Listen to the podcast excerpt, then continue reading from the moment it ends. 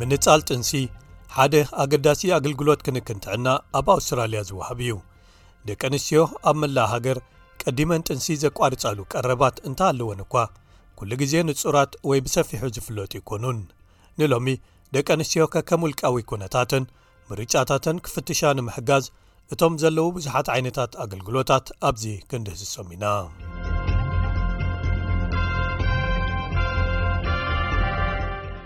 ከባቢ 40 ካሚቲ ኣውስትራልያውያን ጥንስታት ብዘይ መደብ ዘጋጥሙ እዮም ካብዚኦም ብግምት 30 ኸም ሚእቲ ብምንጻል የብቅዑ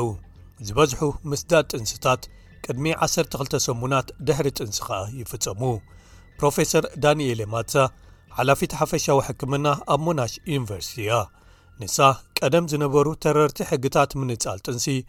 ኣብ ዝሓለፉ ሒደት ዓመታት በብግዜኡ እናፈኸሱ መጺኦም እዮም ትብል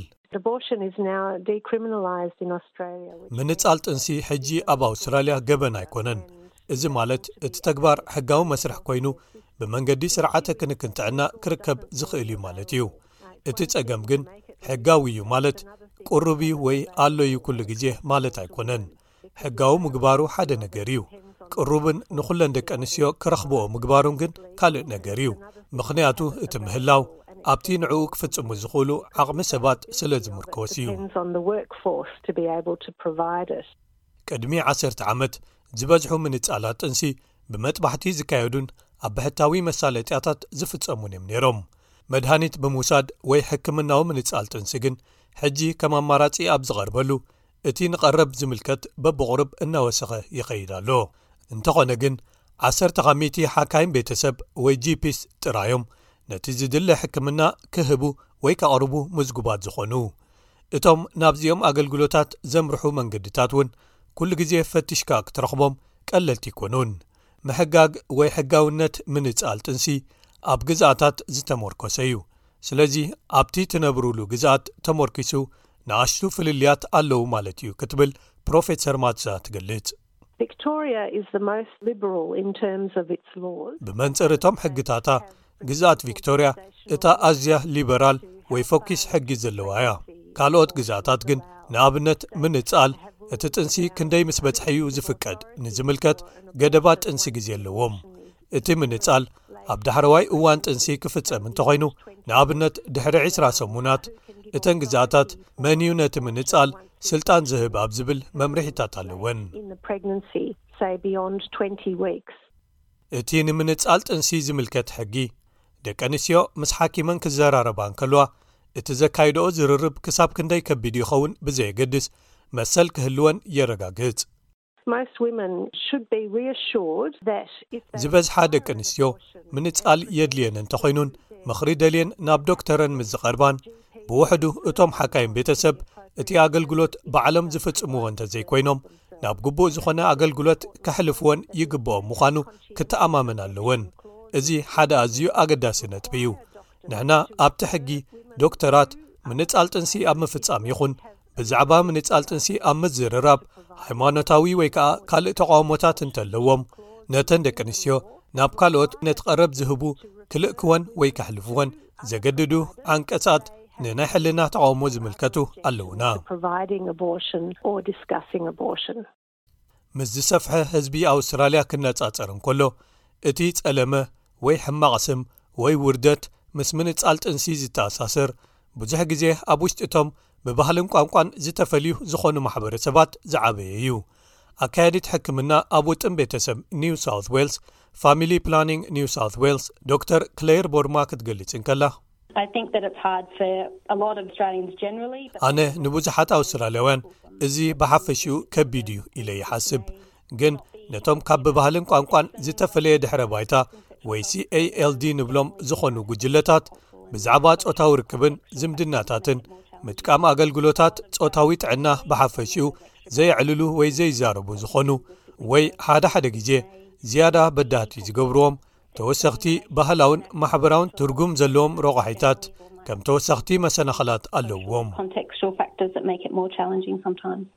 ነዚ መሊሶም ዘጋድድዎ ከኣ ሓደስቲ መጻእትን ካብ ዝተፈላለዩ ባህልታት ዝኾኑን ደቂ ኣንስትዮ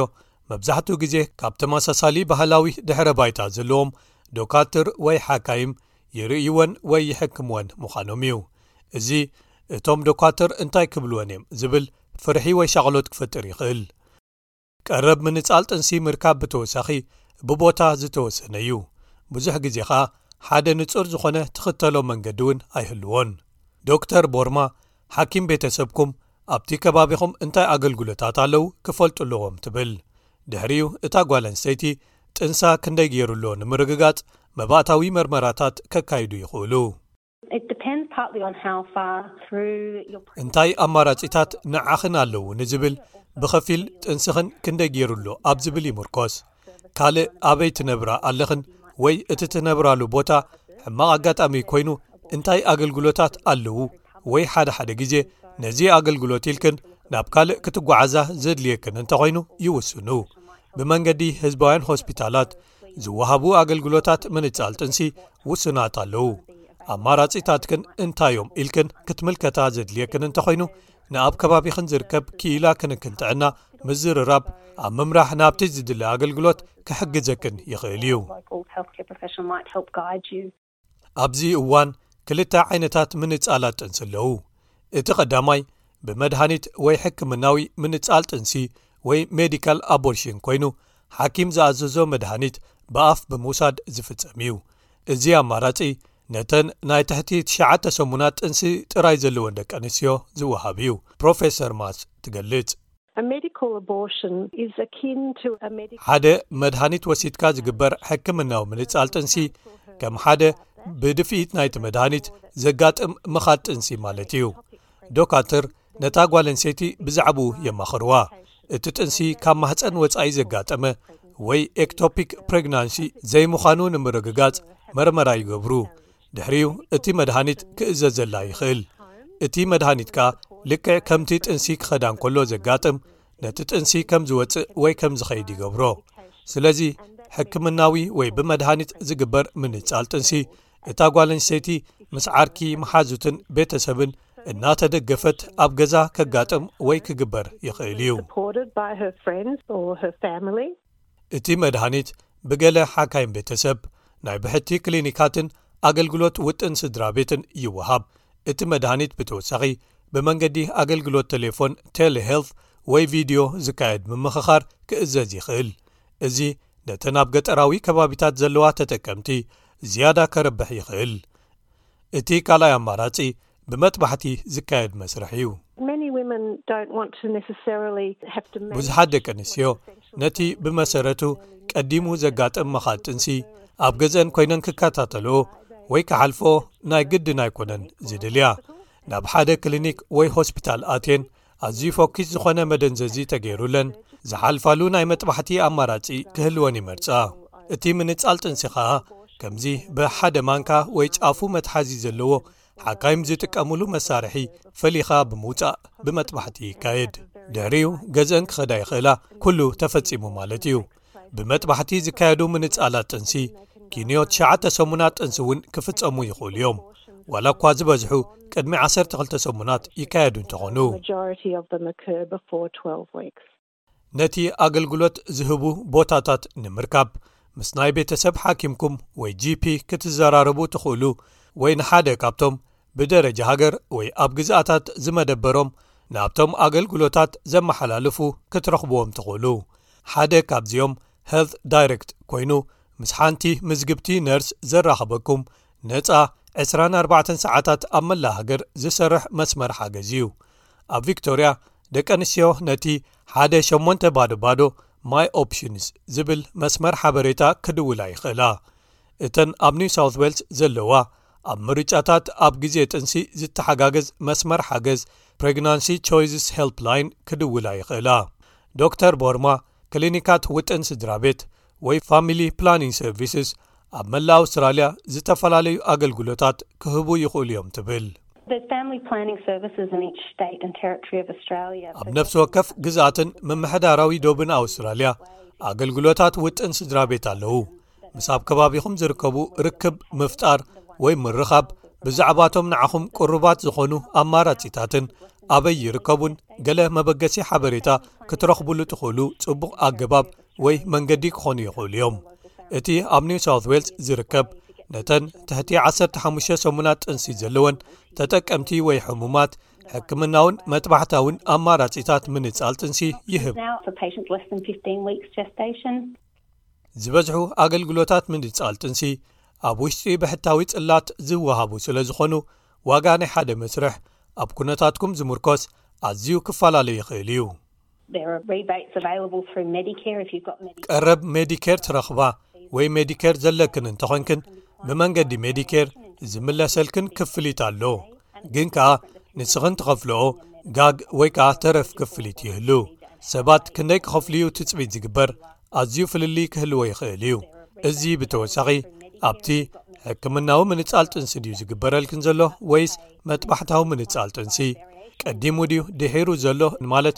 ኣብ ክንደይ ሰሙን ናይ ጥንስኽን ይኽን ዘለኽን ዝብል ተሞርኪሱ ይፈላለዩዩ ኒኮል ሂግ መራሒት ጉጅለ ውሃብቲ ምኽሪ ምስ ሓደ ውላድ ብምርጫ ዘተባብዕ ችልድረን ባይ ቾይዝ ዝተባህለ እያ ንሳ ነዚ ዝሽፍኑ ብሕታዊ መድሕና ጥዕና እውን ሸፈነኦም ይፈላለዩ ትብል ንሕና ዝበዝሓ ንሕግዘን ደቂ ኣንስትዮ ናይ ብሕታዊ መድሕን ጥዕነን ክጥቀማ ዘይክእላ እየን ብብሕታዊ መድሕን ጥዕና ዝተሸፈነ ኣይኮነን ብምሉኡ እቲ ወጻኢኻ ክሽፍንኦ ኣለወን። ስለዚ ብሕታዊ መድሕናት ጥዕና ዝበዝሑ ናይ ደገ ተምሃሮ ኣብ ኣውስትራልያ ክህልው እንተኾይኖም ክህልዎም ዘልዎ ማለት እዩ። ብሓፈሽኡ ነቶም ኣብ ውሽጢ ሓደ ብሳልሳይ ደረጃ ዝስራዕ ሆስፒታል ዝወሃቡ ኣገልግሎታት ምንጻል ጥራይ ይሽፍኑ። ነቶም ዝበዝሑ ብመጥባሕቲ ዝካየዱ ምንጻላት ጥንሲ ዝካየደሎም ከም በዓል እቶም ብሓደ መዓልቲ ኣገልግሎት መጥባሕቲ ዝህቡ ኣብ ውሽጢ ሓደ ብካልኣይ ደረጃ ዝስራዕ ሆስፒታል ዝግበሩ ግን ኣይሽፍንን እዩ ኣገልግሎት ምንጻል ጥንሲ ዝህቡ ውሑዳት ማእከላት ጥዕና ዩኒቨርሲቲ እውን ኣለዉ ገለ ሆስፒታላት ሜዲኬር ካርድ ምስ ዝህሉ ብዘይ ዝኾነ ክፍሊት ኣገልግሎት ምንጻላት ይህቡ እዮም። እንተዘየሎ ብመንገዲ ብሕታዊ ክሊኒክ እንተኾይንክን ብመጥባሕቲ ምንጻል ጥንሲ ክግበረልክን ትደልያ ዘለኽን እቲ መድሃኒት ባዕሉ ጥራይ ክሳብ ሓሙሽተ ሚእቲ ክውድኣልክን ይኽእል እዩ ክትብል ወይዘሪት ሂዊግ ትገልጽ። ኣብ ርእሲ እዚ ነቲ ዝወሃበክን ምኽሪ ናይቲ ዶክተር እውን ትኸፍላ መርመራ ደም የድልየክን ኣልትራሳውንድ የድልየክን ኩሉ እዚታት ከኣ ዝኽፈሎ እዩ ስለዚ ክሳብ 1,00 ዶላር ክበጽሕ ይኽእል ኣብ ላዕሊ ጫፍ ኣውስትራልያ ማለት ኖርዘርን ተሪቶሪ ብመጥባሕቲ ምንጻል ጥንሲ ክግበረልክን ትፍትና እንተ ዄንክን ድሒርክን ኣብቲ ግዜ ጥንስኽን ምናልባት ዝፈለጥክኖ እንተ ዄንክን ንስኽን ወይ ከማኽን ዝኣመሰላ ደቂ ኣንስዮ ክሳብ 8500 ዶላር ኣውስትራልያ ከምጽኣይን ዝግደዳ ዘለዋ ኣገልግሎት ውጥን ስድራቤት ዝህብ ፋሚሊ ፕላኒንግ ኒው ሳውት ዌልስ ክልቲኦም ብሕክምናን ብመጥባሕትን ዝካየዱ ምንጻላት ጥንሲ ይህብ ወይ ይቕርብ ነተን ናይ ሕድገታት ኮንሴሽንን ክንክን ጥዕናን ወይ ከኣ ሄልት ኬርን ካርድታት ዘለወን ከኣ ብመንግስቲ ዝሽፈን ባልክ ቢል ይገብረለን እቲ ካብ ጅቦአን ኣውፅአን ዝኸፍልኦ ተረፍ ክፍሊት ንመጥባሕታዊ ምንጻላት ጥንሲ ካብ 350 ክሳብ 450 ዶላር ይበጽሕ እዚ ክንደይ ጌርክን ኣለኽን ኣብቲ ጥንስኽን ይውስኖ ነብሲ ወከፍ ኣገባብ ኣዝዮም ብቦታ ዝተደረቱ ብምዃኖም ምስ ሓኪም ቤተሰብክን ምዝርራብ ብጣዕሚ ኣገዳሲ እዩ ወይ ከኣ